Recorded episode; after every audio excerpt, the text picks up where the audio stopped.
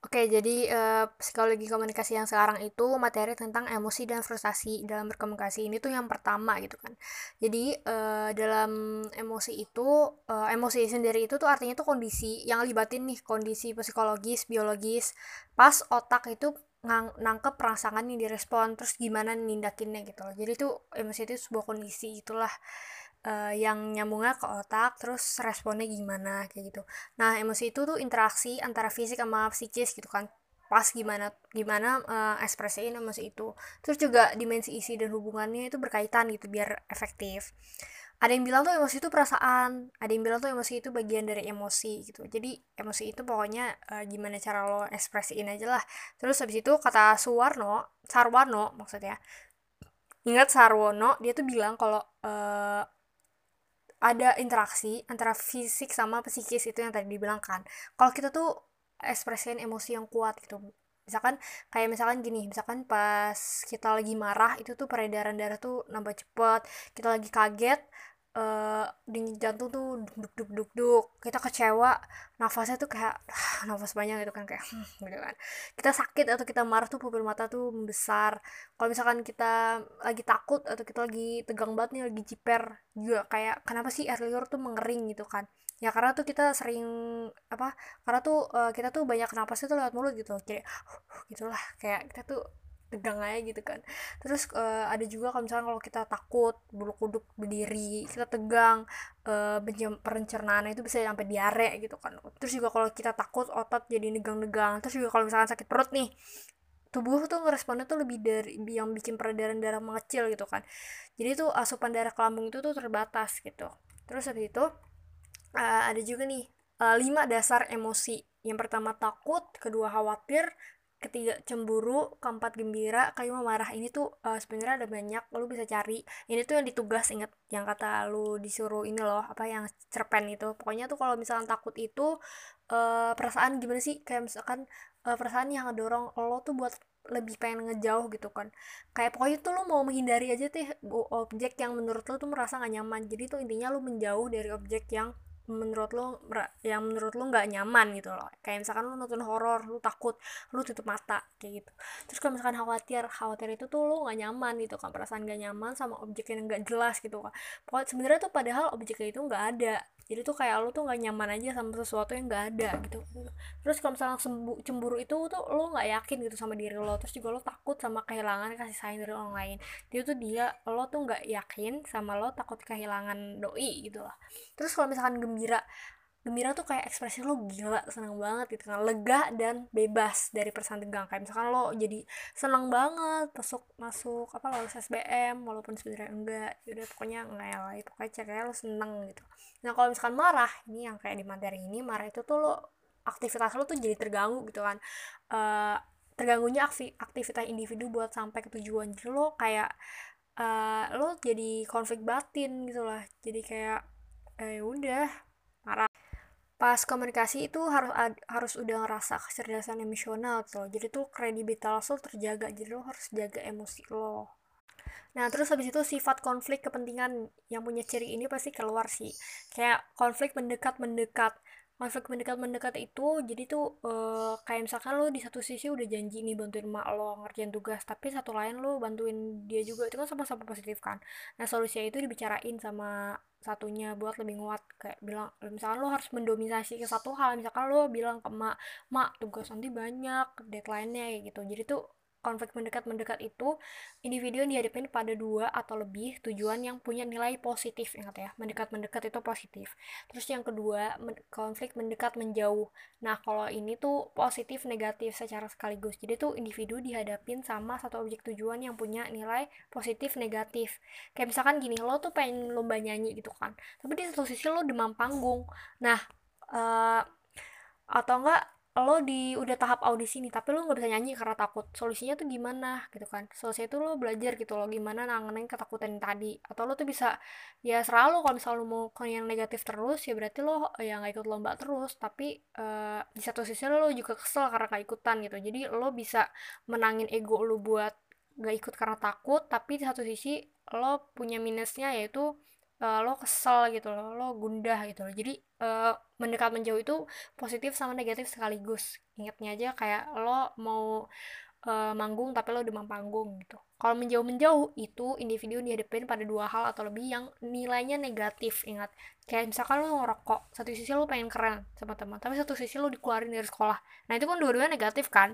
Lo kagak keren kag lo keren kagak jemput cewek di panggang terus lo lo pengen dikeluarin dari sekolah juga kan itu dua-duanya apaan banget gitu kan.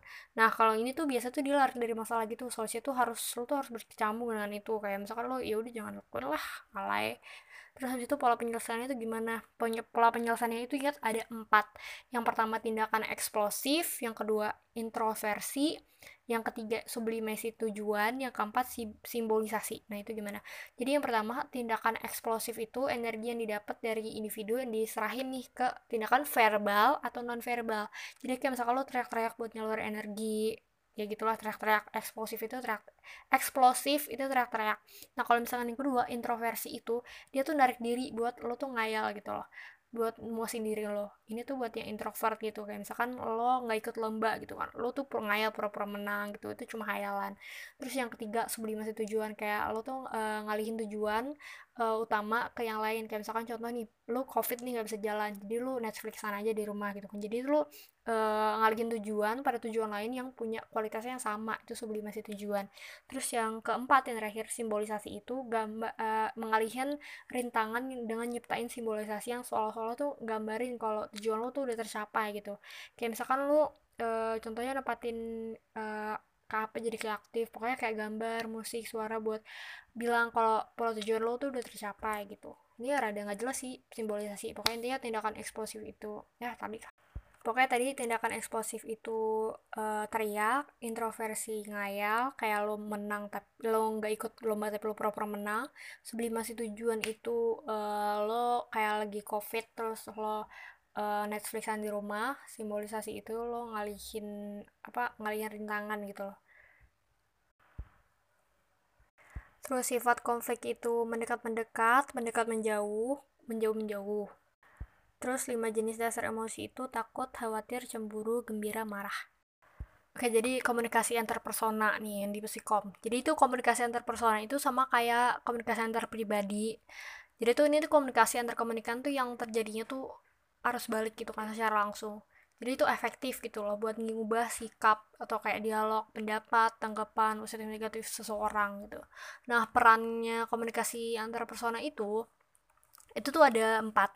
Jadi tuh buat bantu perkembangan intelektual sama sosial bangun identitas dan jati diri memahamin realitas sosial melalui perbandingan sosial personal sama kesehatan mental yang pertama itu e, bantu perkembangan interaksi sosial itu pokoknya e, kayak bantu relasi gitu. Terus kalau bangun identitas dan jati diri tuh kayak lo tahu gitu loh lo siapa terus dia siapa gitu loh. Jadi tuh kayak lo tuh komunikasi tuh biar sama-sama tahu gitu. Terus kalau memahamin realitas itu melalui perbandingan sosial personal kayak lo tuh bisa bandingin gitu loh sosial dia sama personal dia. Kalau kesehatan mental ya lo tau lah mental health kutu aja oke. Okay? terus habis itu aspek psikologis dalam komunikasi interpersonal. Itu ada tiga inklusi, kontrol, sama afeksi. Jadi inklusi itu tuh minta pengakuan gitu loh, kayak uh, dia uh, manusia tuh butuh pengakuan gitu kayak keberadaannya tuh pengen banget gitu dilibatin sama aktivitas sosial. Jadi tuh kayak misalkan gini uh, lo tuh uh, lo tuh lo tuh merasa kayak lo tuh pengen dapet sumbangan gitu loh. Kayak lo tuh ngerasa kayak lo butuh padahal mah biasa aja lo kayak lo punya Ferrari gitu. Tapi tetap minta bantuan apaan coba? Terus kalau misalkan kontrol kontrol itu uh, manusia tuh pengen punya kewenangan gitu. Kayak lu tuh pengen ngendaliin sama orang sama hubungan sosial. Kayak misalnya contohnya gini kayak misalnya lu ketemu bertamu sama temen yang akrab biasa sama berduka kan kita bisa ngendalin ngendalin diri gitu kan. Kita bisa ngontrol kayak sama temen biasa sama temen yang munafik sama orang yang lagi berduka kan nggak bisa semena-mena lo pakai baju ngejreng-ngejreng kan harus pakai yang baju hitam gitu. Nah kalau afeksi itu lo tuh ngarepin dapetin perhatian sama cinta sama orang tuh sepanjang hidup lo. Kayak misalkan gini afeksi itu tuh kayak lo misalkan di grup tiba-tiba ngirim emosi sedih kan ditanya tuh kenapa? Lo caper banget misalkan gitulah nggak usah disebut. Terus itu dampak dampak uh, kalau misalkan misalkan psikologi ini nggak terpenuhi nih nah itu gimana gitu kan. Nah kalau misal eh salah. Dampak kalau misalkan uh, aspek psikologis lo terpenuhi. Nah kalau terpenuhi itu cuma tiga perilaku sosial, demokrat, sama personal. Sosial itu kayak misalnya lo jadi ngerasa nyaman, kayak di tengah orang, di tengah sendirian lo, terus lo bisa jadi berpartisipasi di aktivitas sosial meskipun lo tuh mandiri gitu loh. Terus lo tuh bisa mutusin buat nggak terlibat gitu. Jadi tuh perilaku sosial tuh lo nyaman gitu loh dalam kesendirian lo nah terus lo tuh juga jadi perilaku demokrat itu tuh demokrat itu lo bisa jadi mecahin persoalan terus soal hubungan antar orang gitu loh. Kayak lo tuh bisa jadi meca mecahin masalah yang terjadi. Terus yang ketiga perilaku personal itu tuh individu individu tuh jadi bisa bertindak cepat gitu loh kayak dan selalu merasa senang aja gitu loh dalam hubungan. Emosi itu lebih jadi lebih dekat walaupun renggang gitu.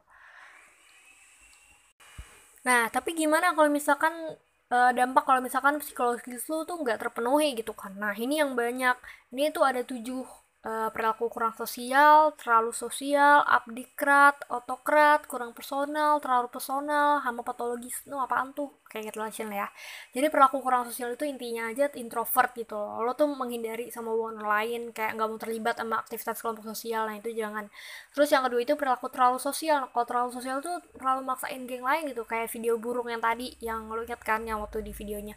Nah terus kalau misalkan abdikrat, itu lo tuh merasa penurut aja gitu loh kayak ya udah ya uh, uh, nurut-nurut aja kayak bansur. Lo tuh nggak bisa ngambil kesimpulan pokoknya tuh lo nggak uh, bisa ngambil kesimpulan lo tuh juga uh, lo tuh juga jadi penurut aja gitu loh. Iya iya aja. Terus kalau otokrat lo tuh malah kayak mendominasi banget gitu loh kayak lo tuh terlalu mendominasi dan kayak ngambil keputusan sendiri gitu. Terus juga kalau misalkan yang kelima kalau kurang personal kurang personal itu kayak lo tuh menghindari hubungan personal yang terlalu dekat atau lo susah banget buat ramah gitu loh. Kayak lo tuh bicara seperlunya lo jutek. Kalau misalkan terlalu personal lo tuh pengen uh, apa ya terlalu personal tuh kayak posesif gitu loh. Kayak lo tuh pengen hubungan tuh yang bener-bener aduh erat banget intim banget. Jadi itu jatuhnya kayak posesif.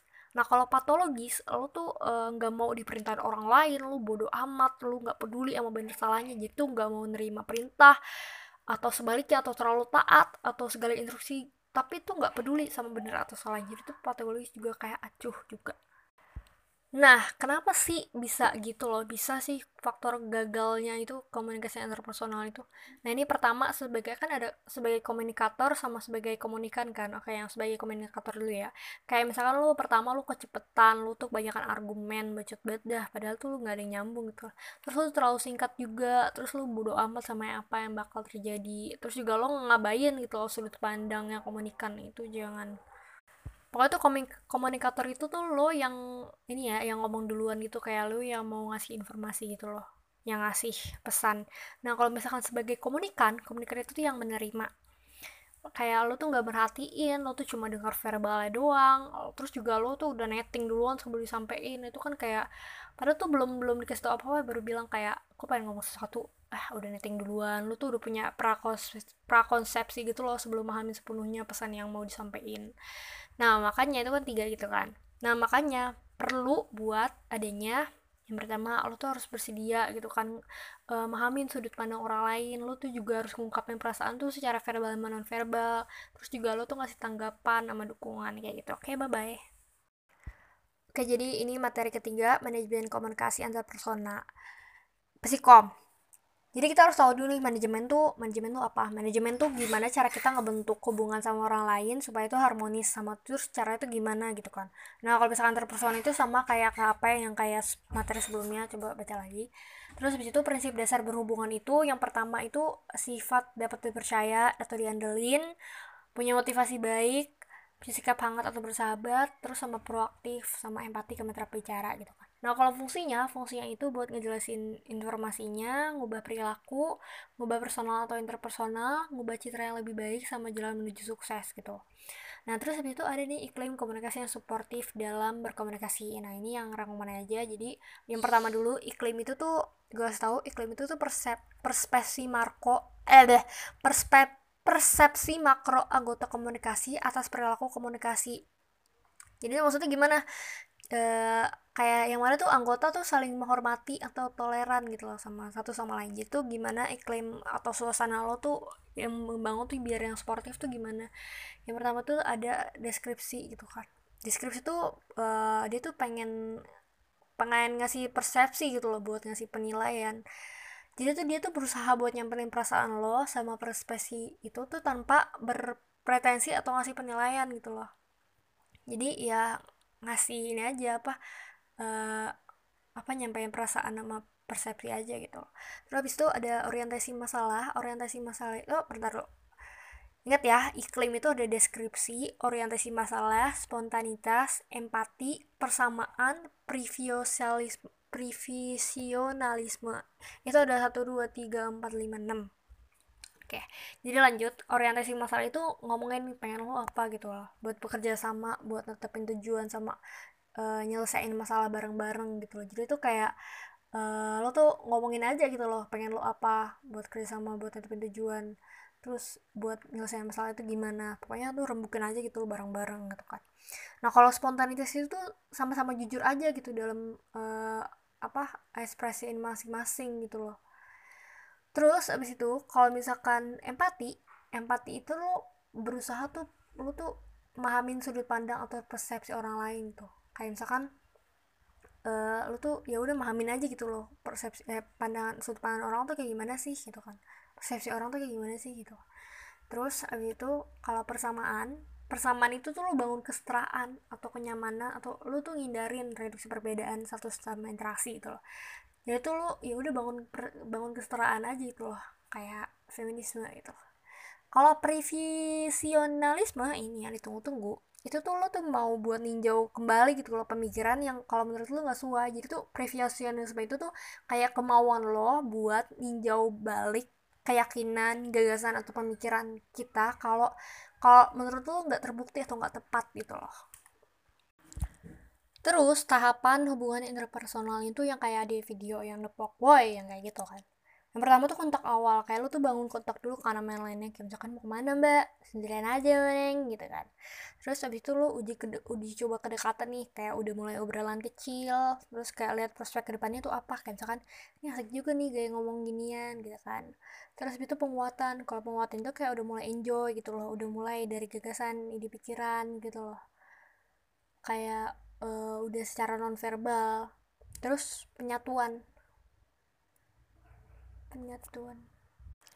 Penyatuan itu lo udah bangun komitmen gitu loh. Kayak misalkan uh, udah secara emosional udah nyatuin tuh satu sama lain. Kayak misalkan gini uh, kayak misalkan lo tuh udah nih misalkan lo udah ketemu nih di jadwal penerbangan yang sama. Terus habis itu lo setelahnya lo janjian buat eh pulang bareng yuk gitu udah ada penyatuan udah ada komitmennya. Terus kalau misalkan penyikatan itu kayak udah nyepakatin udah nyepakatin gitu loh komitmen.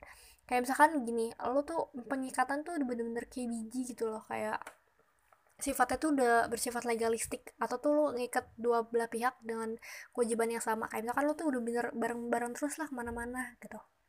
Nah kalau misalkan kesadaran kekhasan itu lo tuh udah sadar gitu loh kalau lo tuh udah bareng-bareng bareng udah bareng-bareng lama terus kayak lo tuh udah uh, lo tuh uh, udah tahu gitu loh kalau setiap orang tuh emang punya keunikan yang beda-beda. Kayak lo tuh udah sadar kekurangan dia kelebihan dia dan lo udah bisa nerima itu gitu.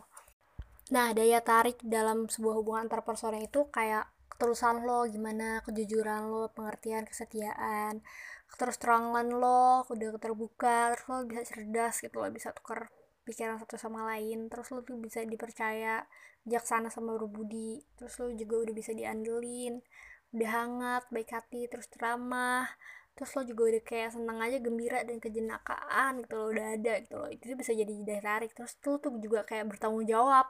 Sama lo tuh juga nggak yakinin. Nah itu bisa semua itu bisa jadi daya tarik gitu loh. Gimana uh, hubungan antar personnya itu bisa gitu. Terus itu manfaat konflik. Nah manfaat konflik itu bisa jadi konflik itu tuh bisa jadi negatif sama positif Nah, tapi kalau misalkan konflik itu tuh sebenarnya tuh ada manfaatnya juga. Kayak lo tuh bisa jadi nyadarin gitu loh, kayak emang ada yang perlu dipecahin gitu loh dalam hubungannya. Kayak kita tuh jangan lari dari masalah gitu kan. Terus juga kita jadi nyadarin, terus juga dorong perubahan juga, terus numbuh dorongan buat mencahin persoalan yang selama itu kayak gak kelihatan gitu loh. Terus juga bisa jadi lebih di mana, bisa jadi bisa jadi lebih dinamis, bisa jadi bangun kematangan diri lo jadi mateng digoreng. Terus lo juga jadi ngilangin ketegangan yang sering dialami gitu. Kayak misalkan lo tuh selama ini ngebatin satu sama lain. Dan setelah lo uh, confess gitu lo jadi oh lo tahu satu sama lain oh jadi nggak selek lagi gitu kan. Terus juga nginda, nyadarin diri kita ya sesungguhnya. Kayak selalu nyadarin ternyata lo sama ini brengsek gitu kan. Terus juga sebenarnya tuh bisa mempererat atau memperkaya hubungan gitu. Jadi konflik tuh sebenarnya tuh nggak mutusin hubungan atau kerendangan tapi bisa juga bikin hubungan itu jadi lebih ganggang gitu loh. Yang penting tuh saling menerima satu sama lain gitu. Oke? Okay? nah lo inget kan tugas yang kata buat apa kayak lo tuh pernah nggak pernah konflik gak sih? Terus juga kayak lo uh, apa konfliknya itu pokoknya lo yang tugas itu deh gitu deh dadah bye Oke, jadi materi selanjutnya itu materi manusia berkelompok, psikologi komunikasi. Jadi itu kenapa alasan manusia berkelompok itu?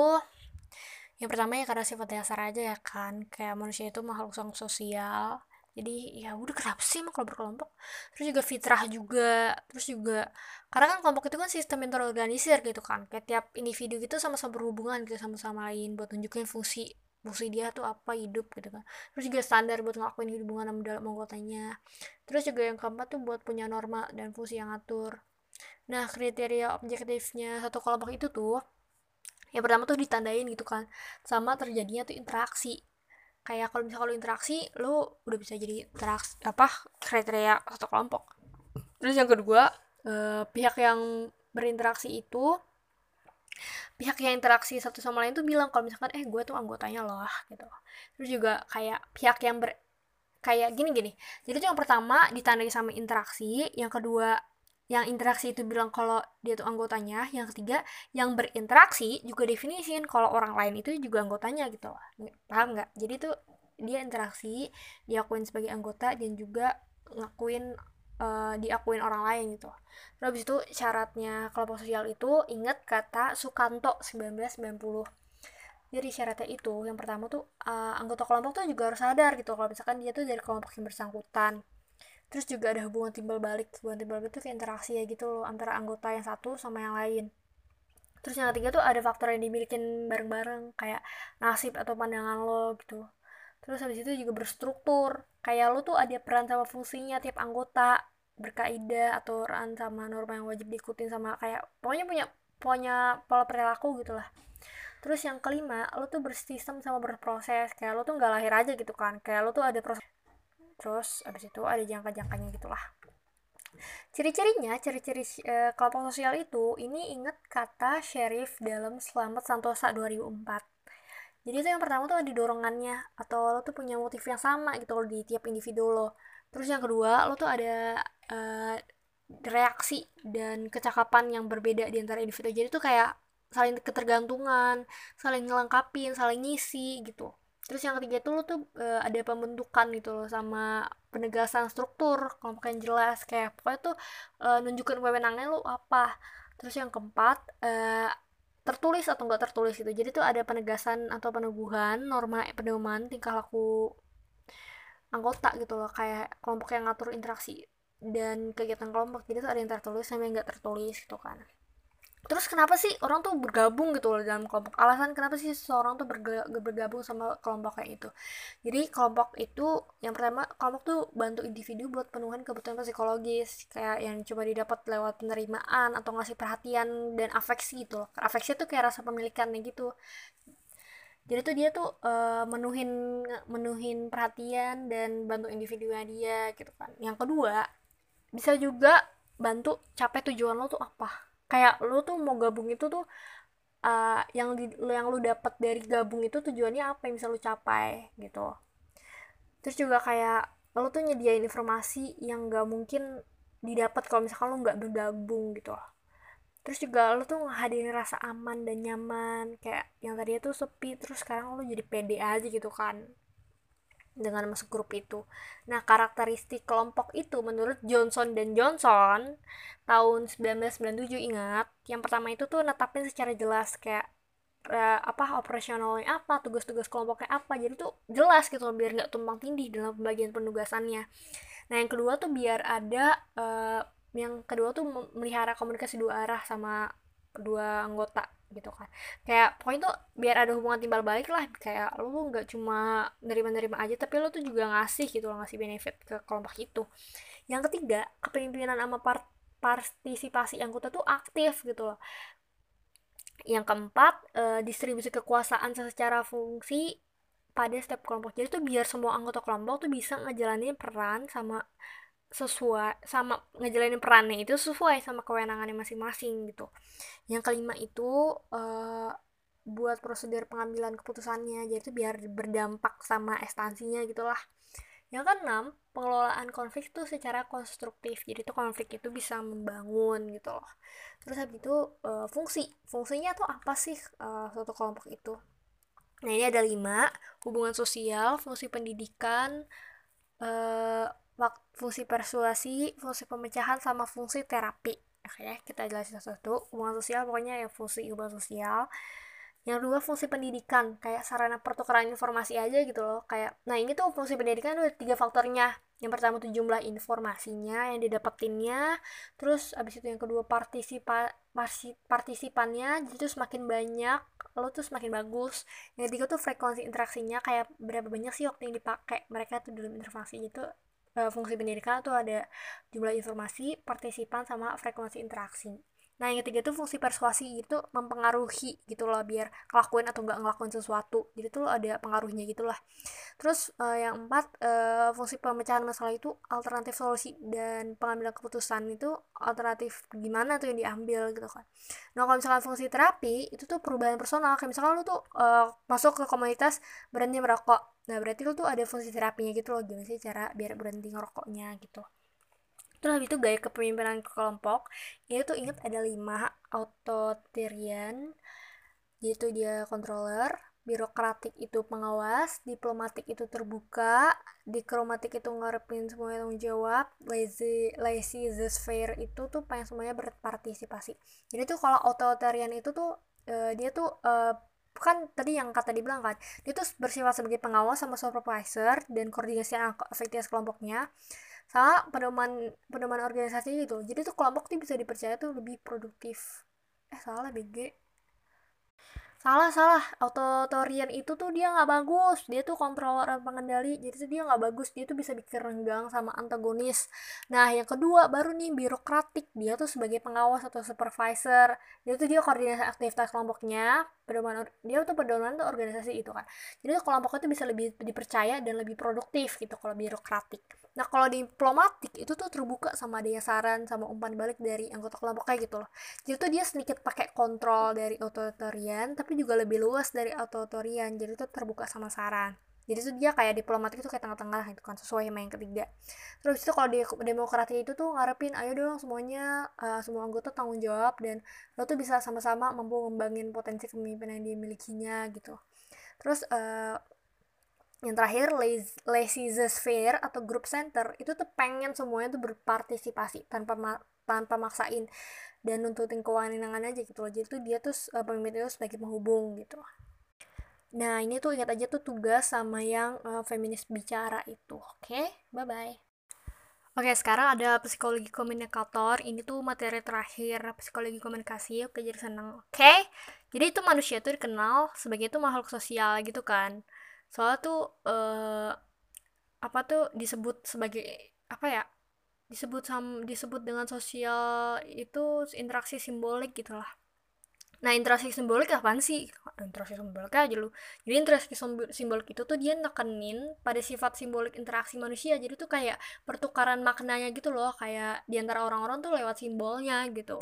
Jadi interaksi simbolik itu pertukaran maknanya. Nah pertukaran maknanya itu secara simbol itu tuh terjadinya tuh gara-gara kehidupan kita tuh uh, setiap saat tuh kayak baik simbol itu tuh berupa verbal maupun non verbal ini baik lagi ke komunikasi uh, pada definisinya gitu kan. Nah terus abis itu uh, masih nyambung sama interaksi simbolik jadi tuh Goffman dalam Mulyana itu bilang kalau teori itu uh, teori atau pendekatan dramatologis dramatologis itu tuh kayak presentasi diri gitu kan. Nah kalau kata Goffman dramatologi itu tuh kayak milestone gitu loh. Jadi tuh kayak dia tuh kayak jajangin pemahaman kita tuh uh, atas dinamika yang berlangsung dalam dialog antar individu. Jadi tuh kayak bagian dari lingkungan sosial gitu loh. Uh, jadi tuh manusia itu sebagai interaksi simbolik, dramatologi itu kayak sandiwara kehidupan yang dimainin manusia gitu lah istilahnya.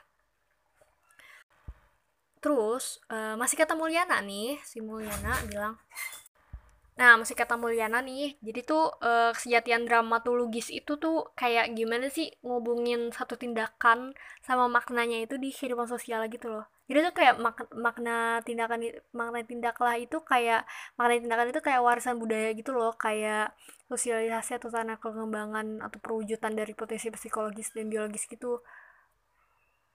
Tapi tuh apa sih? Oh, ulang-ulang. Jadi tuh salah. Jadi tuh makna bukan bukan warisan budaya tapi malah pencapaian problem problematik interaksi manusia itu loh. Kayak gimana? Jadi tuh dia maknanya itu bukan budaya tapi tuh malah kayak gimana interaksinya gitu loh. Nah terus abis itu manusia sebagai pemain panggung sandiwara itu itu itu tuh kan manusia uh, berperan sebagai uh, mainin peran sandiwara kan. Dia juga kayak lengkap sama setting panggung sama actingnya gitu kan. Terus sebagai aktor kehidupannya. Nah terus kata Mulyana tahun 2022 eh 2002 dia tuh bilang kalau memahamin manusia tuh nggak cuma memahamin tindakan orang aja tapi tuh kayak kita nafsirin perilaku orang lain juga gitu loh. Tapi tuh kita juga uh, hasil tafsir itu tuh itu juga ngasih dampak gitu loh buat individu yang tindakannya tuh udah diinteraksikan dengan cara tertentu gitu Nah, terus habis itu manusia di interaksi itu tuh kayak apa ya dia tuh berusaha tuh kayak buat nyiptain atau ngelola kesan yang diharapin tuh biar jadi ada ada berada dan mengada gitu loh. Jadi uh, pokoknya tuh dia ngasih kesan gitulah kayak yang di video yang panggung gitu dia kan nyanyi dia kan harus ngasih kesan kan harus nyiptain kesan biar dia tuh uh, dianggap ada berada sama mengada Nah, substansi dari pengelolaan kesan itu tuh kayak gimana sih atribut atau aktivitas sosial dijadiin ruang presentasi diri dibandingin fungsi atribut sama tujuan sama aktivitas itu sendiri.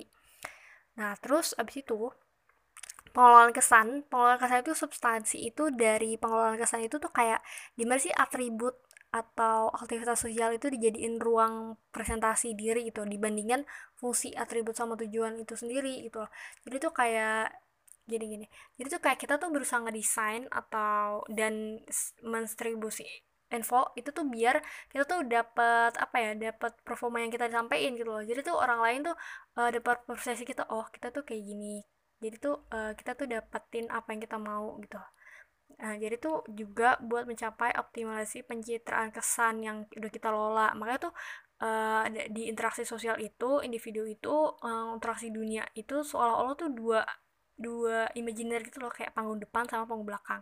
Pokoknya intinya uh, ini nih intinya. Jadi ada panggung depan sama panggung belakang gitu kan. Kayak yang pertama panggung depan dulu. Jadi tuh panggung depan ya kayak gimana nampilannya aja gitu loh nampilan peran formalnya. Nah kalau kata drama teori dramaturgis uh, kehidupan itu ibarat panggung sandiwara gitu. Interaksi sosial itu pertunjukan gimana panggung itu nampilin peran-peran aktor aktrisnya gitulah jadi kalau mainin peran aktor itu pakai bahasa verbal non verbal pakai atribut juga terus juga pakai sesuai lah sama peran dimainin. Nah kalau kata Goffman dia tuh uh, milah kalau dia uh, kalau kata Goffman panggung depan itu dibagi jadi dua personal front sama setting. Nah personal front itu kayak citra gitu loh atribusi yang dianggap lingkungan kayak pokoknya tuh yang terpisahin dari individu gitu lah. Pokoknya tuh kayak gini nih kayak alat alat yang dipakai di perlengkapan yang dibawa gitu loh ke dalam setting. Misalkan kayak polisi pakai baju polisi dokter pakai baju polisi eh dokter pakai baju dokter bawa stetoskop gitu kan. Jadi tuh apa yang dibawanya gitu loh peralatannya. Itu tuh bisa bahasa verbal atau tuh non verbal nah jadi tuh uh, substansi yang itu tuh kayak masalah wajah gitu loh. Kayak nilai positif positif diklaim. Pokoknya kayak wajah dari citranya gitu loh kayak wajahnya itu kayak dokter itu pakai pakaian putih gitu. Nah kalau setting itu situasi fisik atau lingkungan spesial kayak uh, peran personal gitu loh. Kayak misalnya gini uh, setting itu kan uh, merupakan situasi fisik yang harus ada kan kayak pas aktor itu melakukan pertunjukan. Kayak misalkan uh, dokter itu butuh ruang bedah supir butuh kendaraan guru butuh ruang. Pokoknya itu setting itu butuh ruangnya gitu loh. Nah terus itu yang kedua ada uh, panggung belakang panggung belakang itu tuh kayak ranah privasi gitu loh. Kayak istilahnya tuh kayak telanjangan diri kata Mulyana. Jadi tuh uh, apa yang dipersiapin sebelum panggung depan. Nah panggung belakang itu tuh ruang yang tersembunyi bagi publik. Jadi tuh kayak bebas aja mau ngapain Nah, kalau kata Mulyana itu, uh, setiap orang itu, like aktor itu berusaha buat uh, nyanyiin diri mereka sebagaimana diidealkan dalam pertunjukan mereka di panggung depan. Makanya mereka tuh berusaha nyembunyiin kayak kesenangan pribadi atau revisi sesuatu yang dianggap salah atau nyimpang di panggung belakang itu gitu kan. Nah, buat nampilin dirinya, satu sisi individu tuh uh, nyoba laborin diri lingkungan satu sama lain gitu loh bahkan tuh secara ekstrim mungkin mainin dua peran meskipun sejatinya dia enggan akan peran itu. Jadi tuh dia kayak nunjukin enggan keengganan buat mainin meski uh, dirinya tuh menikmati peran itu. Nah dalam peran bebanin itu buat mengatasi perasaan gak nyaman itu makanya tuh harus sambil berkelakar asal-asalan suatu pokok tindakan yang membahayakan dirinya gitu. Itu makanya jangan terlalu membebankan gitu. Kayak misalkan contohnya itu aplikasi teori dramaturgis itu kayak yang video itu di panggung depannya itu dokternya tuh tahu lagi dibego-begoin makanya tuh dia kayak ngasih pertanyaan sanggahan buat nolak gitu. Nah di belakang panggungnya dia tuh kayak uh, apa ya nawarin berusaha netral gitulah. Nah terus yang kedua tuh kayak ibu-ibu medsos di depan tuh dia kayak sosialita padahal mah enggak pada kayak ibu biasanya kayak gitu. Oke okay, bye bye